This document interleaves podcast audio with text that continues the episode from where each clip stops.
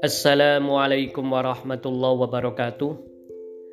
Dalam syariat Islam, perbuatan orang mukallaf ada yang berstatus wajib atau fardu, yaitu perbuatan-perbuatan yang di dalam Al-Quran maupun hadis diperintahkan dengan menggunakan perintah yang tegas.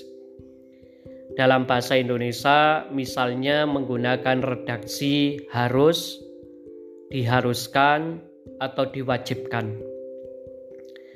Misalnya dalam Al-Quran, wa aqimus sholata wa atuz zakah, dirikanlah sholat, tunaikan zakat.